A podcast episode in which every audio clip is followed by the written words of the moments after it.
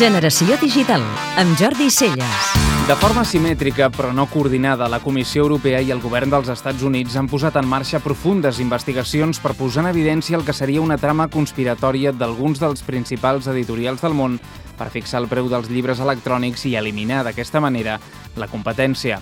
Al centre d'aquestes investigacions, a banda de grups editorials, també hi ha Apple, que de fet és l'agent més important de venda de productes culturals a data d'avui.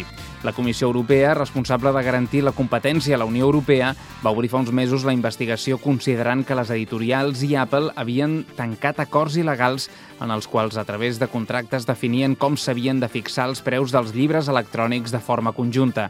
L'objectiu d'aquests acords era aconseguir que els distribuïdors minoristes no els fos possible aplicar els preus que desitgessin, la qual cosa hauria influït en els preus de venda dels llibres electrònics afectant els consumidors.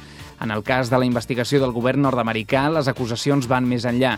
Manifesten que un dels principals objectius de l'acord entre els editors i Apple era lluitar contra l'estratègia agressiva de preus baixos que Amazon havia iniciat per tal de reforçar la seva presència al mercat i, en especial, als seus aparells Kindle. El punt de trobada entre els grans editorials i Apple es va produir, segons la investigació, en el moment en què Apple estava a punt de llançar l'iPad i els editors estaven treballant per limitar la capacitat de venda d'Amazon.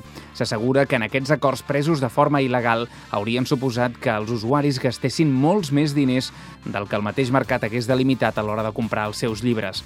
Els grups editorials implicats a les dues bandes de l'Atlàntic són, entre d'altres, Macmillan, Penguin, Hachette, HarperCollins i Simon Schuster i la majoria dels casos, juntament amb Apple, ja han estat negociant amb la Comissió Europea i el Departament de Justícia dels Estats Units per arribar a un acord previ al judici. Els preus dels llibres han estat des de sempre un element controvertit, des de fa molt de temps, especialment en el cas de les legislacions de països europeus, on el llibre físic té un preu fixe i uns impostos reduïts. Aquestes lleis, en principi, pretenen defensar tota la cadena de valor del món editorial. De totes maneres, aquesta cadena de valor ja fa temps que s'està començant a trencar el món del llibre digital i aquests acords entre grups editorials, formals o tàcits, no fan més que demostrar la desorientació i la resistència a uns canvis que són irreversibles. Podeu escoltar Generació Digital cada dissabte de 4 a 6 de la tarda a Catalunya Ràdio.